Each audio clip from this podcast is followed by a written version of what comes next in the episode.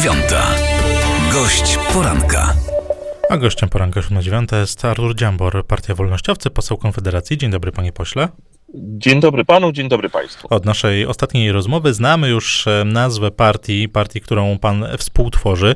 E, to może, panie pośle, skoro już znamy nazwę partii, powie nam pan o niej kilka słów. Co prawda do końca maja mamy poznać szczegóły programowe, ale chociaż może już zdradzi pan jakieś zarysy tak, jak ostatni raz rozmawialiśmy, to jeszcze starałem się to ukrywać jako tajemnicę, a niestety pewien nadgorliwy i mocno nierzetelny dziennikarz stwierdził, że jednak pokaże e, całemu światu, jak to wygląda. Jeszcze pokazał to w bardzo złym, e, w bardzo zły sposób i e, oczywiście no, z mocnym przekłamaniem, no ale co zrobić. Partia nazywa się Wolnościowcy. E, i e, wszystkie szczegóły dotyczące deklaracji ideowej, statutu, struktur, zarządu i tak dalej, wszystko poznacie Państwo w ciągu najbliższych dwóch tygodni. E, ponieważ, no tak jak mówiliśmy, jak będzie rejestracja, to ruszamy z całą resztą. Rejestracja właśnie jest. Także, także możemy wszystko inne ogłosić. Możemy na pewno przypuścić, że będzie to partia wolnościowa, jak sama nazwa mówi. Panie pośle, tak. Państwo mówią otwarcie, że wolnościowcy mają stanowić czwartą nogę Konfederacji. Pozostałe to e, trzy to Ruch Narodowy, Partia Korwin, Janusza Korwin-Mikkego oraz Partia Korona Grzegorza Brauna. W związku z tym chciałem też zapytać, e, być może uciąć pewne spekulacje, plotki, jak wyglądają, będą wyglądać Państwa relacje tak z partią Korwin, jak i wewnątrz Konfederacji. Czy być może są jakieś konflikty, niesnaski, czy być może atmosfera współpracy dominuje? Nie, po nasze, nasze, nasza współpraca jest akurat ułożona dosyć dobrze.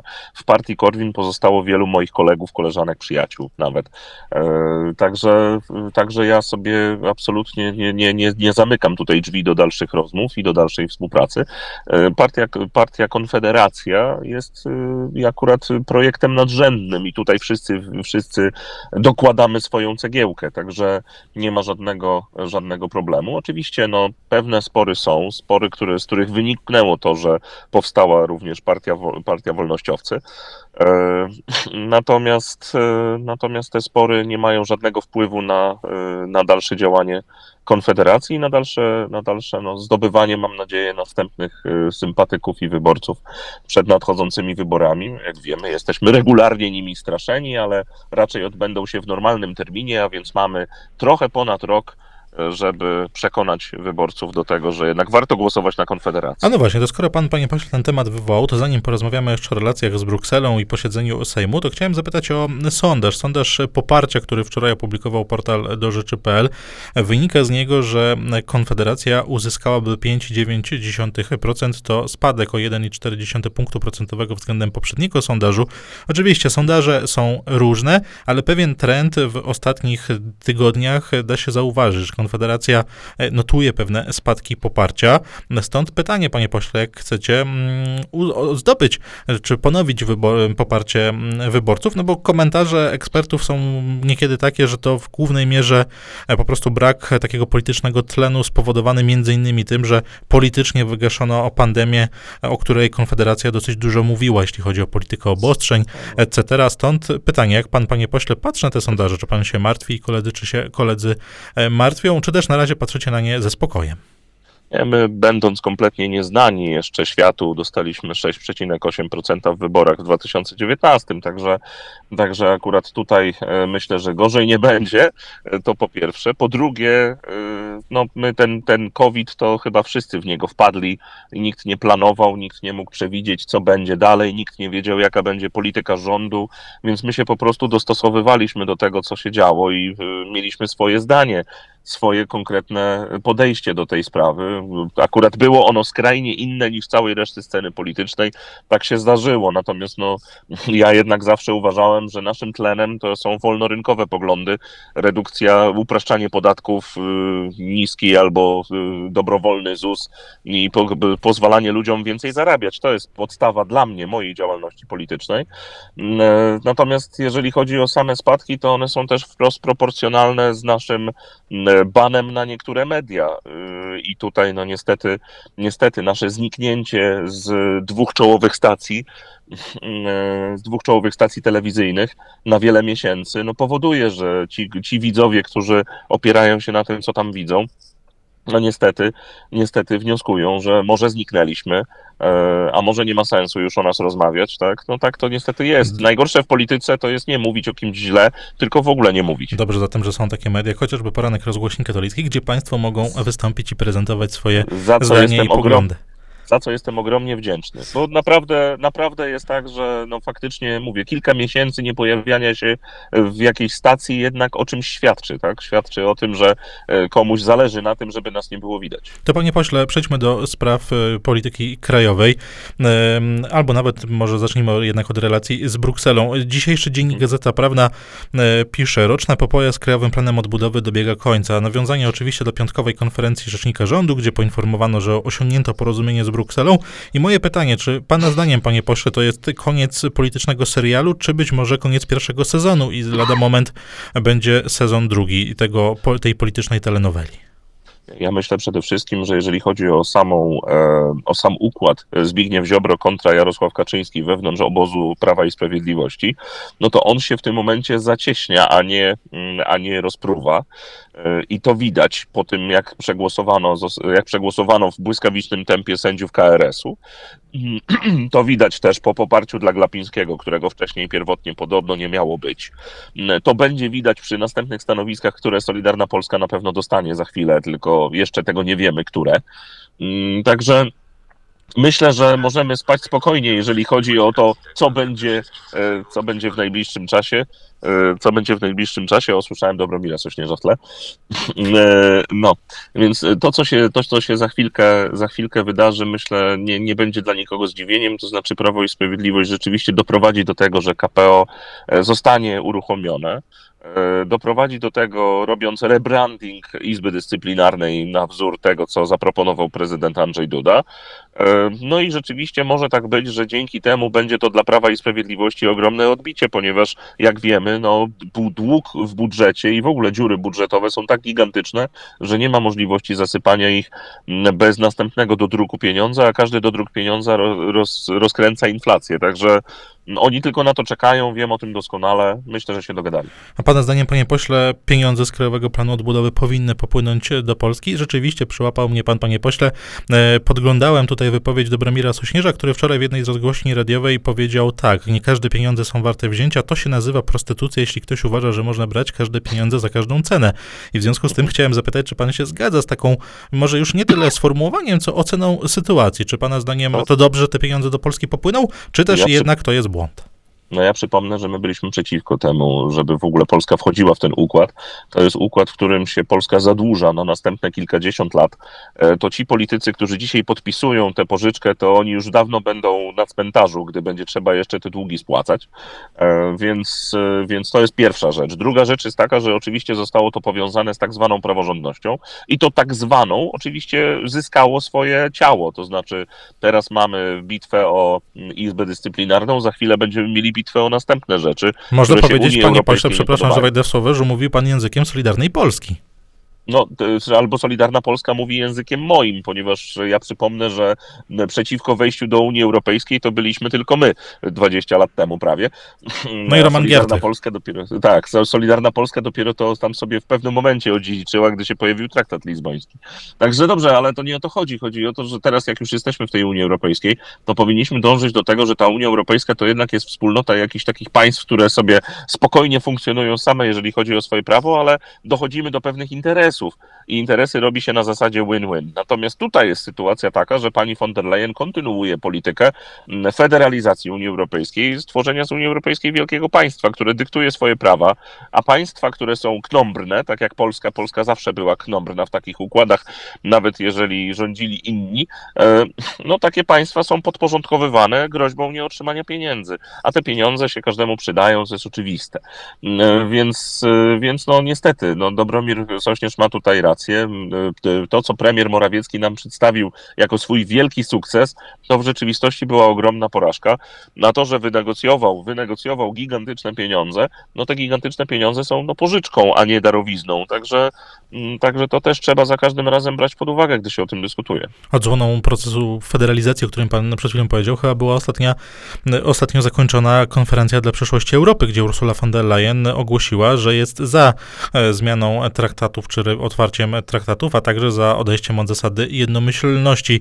No Tak, właśnie, no właśnie, wojnę, na, wojnę na Ukrainie, wojną na Ukrainie, mimo wszystko równolegle w Unii Europejskiej cały czas trwają te procesy, które my doskonale znamy? No tak, to odejście od, od zasady jednomyślności, o której Pan wspomniał, e, niestety w tych, w tych wyjątkowych sytuacjach, tak, oznacza, że stara Unia Europejska będzie nowej Unii Europejskiej narzucała swoje zasady. E, to jest oczywiste, że o to chodzi, tak, ponieważ rozszerzenie Unii Europejskiej mm, nie, nie do końca się podobało wtedy i nadal się nie podoba eurokratom niektórym. E, No i to się, i to się musi w ten sposób skończyć, że w pewnym momencie oni przez jakiś, w jakiś sposób dojdą do sytuacji, w której będą mogli nam dyktować, jakie my mamy mieć prawo w Polsce. A nie ma w żadnym traktacie, nawet tej Izby Dyscyplinarnej, a propos tego, nie ma w żadnym traktacie tego, że Unia Europejska ma prawo narzucać system sądowniczy mm, e, w Polsce. Także y, to też, to też mówię, za każdym razem, gdy my rozmawiamy o tym, to my rozmawiamy tak na takim infantylnym poziomie, na zasadzie kto lubi, kto nie lubi tej Unii Europejskiej, a za każdym razem trzeba patrzeć w szczegóły, patrzeć w te traktaty, co myśmy rzeczywiście podpisali.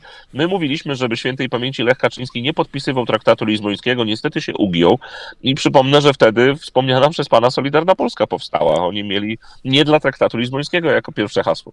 Problem z e, tymi traktatami, o których pan mówi często, też jest taki, że one mają tak ogólne zapisy, że właściwie politycy unijni wpychają tam wszystko, co tylko jest to możliwe, o czym doskonale wiemy i nasi słuchacze. Ale panie pośle, zmieńmy temat i wróćmy z powrotem do e, Warszawy z tej e, Brukseli. Posiedzenie Sejmu właściwie nie wiem, jak sformułować pytanie. Czy się zakończyło, czy będzie wznowione w tym tygodniu, bo to jest jedna część pytania, ale po, posiedzenie Sejmu ostatnie przyniosło nam między innymi przegłosowaną kandydaturę profesora Glapińskiego, o którym pan e, wspomniał. Zakładam, że e, sceptycznie pan ocenia e, prezesurę, pierwszą kadencję prezesa Narodowego Banku Polskiego. Tak, no, wydarzyły się dwie rzeczy podczas, e, trzy rzeczy właściwie podczas tego minionego posiedzenia. To posiedzenie jest zamknięte. E, następne będzie, będzie za tydzień. E, natomiast, e, natomiast tak, to po pierwsze Glapiński, no, co do którego chyba nie ma wątpliwości, że no, nie powinien to być człowiek, który dalej piastuje stanowisko prezesa NBP-u. To jest partyjny nominant i tyle. I po prostu no, wszystkie jego prognozy się nie sprawdziły. On nam mówił, że będzie deflacja, następnie mówił, że za jego kadencji nie ma mowy, żeby stopy procentowe podnosić. Wszyscy ci, którzy kredyty wzięli w tym czasie, gdy on rządzi, gdy słuchali go właśnie, wierzyli mu, powinni mu podziękować, a to są jednak setki tysięcy ludzi, którzy w tym czasie wzięli kredyty na 30 lat i którzy dzisiaj patrzą na to, jak one są podwyższone. Nie ma na horyzoncie najbliższym przynajmniej obniżenia tych stóp procentowych, bo oczywiście no, musimy czekać na, na realny spadek inflacji, a tego, żeby realny spadek inflacji był, też nie za bardzo widać po rozwiązaniach, które rząd wprowadza. Także tyle Glapiński. Druga rzecz to był wspomniany przeze mnie KRS, który został wrzucony dosłownie rzutem na taśmę na ostatnią chwilę, przed 5 minut przed głosowaniami, że w ogóle będziemy głosować jakiś KRS. Nie było na ten temat żadnej dyskusji, tylko po prostu głosowanie. No i trzecia rzecz to są poprawki, e, czyli nowy, nowy ład.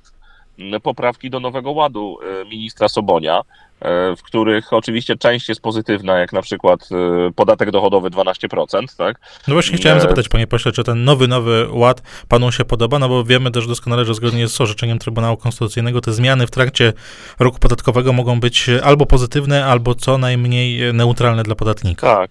No więc my zagłosowaliśmy za, wiedząc, że po części będzie to oczywiście pozytywne, natomiast nie do końca wszystko zostało poprawione, co zostało zapowiedziane. Bo na przykład e, zapowiedziano, że wróci się do tej zasady, że rodzice samotnie wychowujący dzieci będą mogli rozliczać się wspólnie z tymi dziećmi, czyli mieć ulgę 50%. E, Tymczasem, no niestety tego nie tknięto i to środowisko dosyć liczne, to są również setki tysięcy ludzi, e, ale jeżeli nie miliony, e, to, to, to środowisko ma ogromne pretensje w tym momencie do rządu, że jednak nie została ta obietnica spełniona powrotu do tej dobrej zasady. Oni tam jakieś dopłaty wymyślili, które oczywiście nie rekompensują tego, co było w roku jeszcze 2021. Natomiast w porównaniu do tego, co jest od stycznia 2022, to rzeczywiście te poprawki ministra Sobonia są pozytywne, e, w większości przynajmniej, więc no, należało zagłosować za tym, zapytać się jedynie, dlaczego dopiero teraz i czy naprawdę ta gigantyczna machina Prawa i Sprawiedliwości z tą armią ludzi zatrudnionych tam na różnych stanowiskach nie potrafiła wcześniej wpaść na to, że uchwalają jakiegoś gigantycznego bubla, albo po prostu posłuchać opozycji, bo my im wszystkie błędy wytykaliśmy, tylko oni nam wtedy mówiliśmy, że wy nie macie nic do gadania, bo macie 11 głosów, a my 232. Panie pośle, nie chcę zabrzmieć zbyt cynicznie, ale biorąc pod uwagę to, o czym rozmawiamy, czyli wysoką inflację, profesora Glapińskiego, różnego rodzaju perturbacje gospodarcze, etc., może to będzie dobry czas dla Konfederacji, bo sam pan wspomniał, że jednym z pana, z pana przewodnich idei jest kwestia wolności gospodarczej, wolności tak. w gospodarce. No właśnie, może tego typu postulaty, skoro teraz coraz więcej się mówi o gospodarce w ogóle w przestrzeni medialnej, może to będzie mhm. dobry czas dla Konfederacji w tym sensie. No, y, ja nigdy w życiu nie pozwolę sobie pomyśleć w ten sposób, że im gorzej będzie dla całej Polski, tym lepiej dla nas, bo wtedy my pokażemy, że ten rząd źle rządzi. To nie może tak wyglądać. No nie może tak być, że y, nasze wzrosty sondażowe na przykład będą wynikały pośrednio z tego, że ludzie tracą pracę albo swoje firmy muszą zamykać, więc, y, więc no nie chciałbym tego, ale niestety ten rząd tak rządzi. I oczywiście ma pan pod, jednym, pod jednym względem ma pan rację, że faktycznie to jest ten przykry, smutny czas, w którym Polacy będą będą w tak złej sytuacji finansowej, że się dowiedzą wszyscy, co to jest inflacja, co to jest VAT, co to są stopy procentowe, co to jest Rada Polityki Pieniężnej, na czym polega płacenie podatków, jak się je rozlicza i tak dalej, jakie są wysokości poszczególnych podatków. To są rzeczy, którymi nigdy się e, masowy wyborca nie interesował. Masowy wyborca zawsze szedł bardziej na emocjach, a nie na, e, nie na tych najważniejszych rzeczach. My uważamy, że to są najważniejsze rzeczy, one teraz się staną najważniejsze. I może faktycznie będzie to szansa, żeby nowi wyborcy spojrzeli bardziej przychylnym okiem na wolnorynkowców, którzy zawsze mówili, że przede wszystkim gospodarka, a dopiero później będziemy się zastanawiali nad całą resztą. Tylko niestety no, polityka ostatnich lat, siedmiu, a, a wcześniej i ośmiu poprzednich, bardziej była skupiona wokół właśnie emocjonujących jakichś tam dodatkowych rzeczy, a nie, e, a nie przy tej gospodarce, bo o tej gospodarce właściwie się nie mówiło. Zresztą ta debata, która teraz była na temat poprawek ministra Sobonia na sali sejmowej podczas tej debaty była jedna posłanka PiSu. E, nie było nawet debaty takiej na, na emocjach dobrej, to znaczy nie było w ogóle dyskusji takiej sensownej, bo był pan Soboń, który to zaprezentował i była jedna posłanka PiSu. Im się nawet nie chciało tego słuchać. Tak się traktuje debaty, debaty gospodarcze niestety, w Sejmie również. I tutaj postawmy kropkę. Moim i Państwa gościem, gościem poranka 7.9 był Artur Dziambor, poseł Konfederacji, Partia Wolnościowcy. Bardzo dziękuję panie pośle za rozmowę. Dziękuję pięknie, miłego dnia życzę. Siódma dziewiąta. Gość poranka.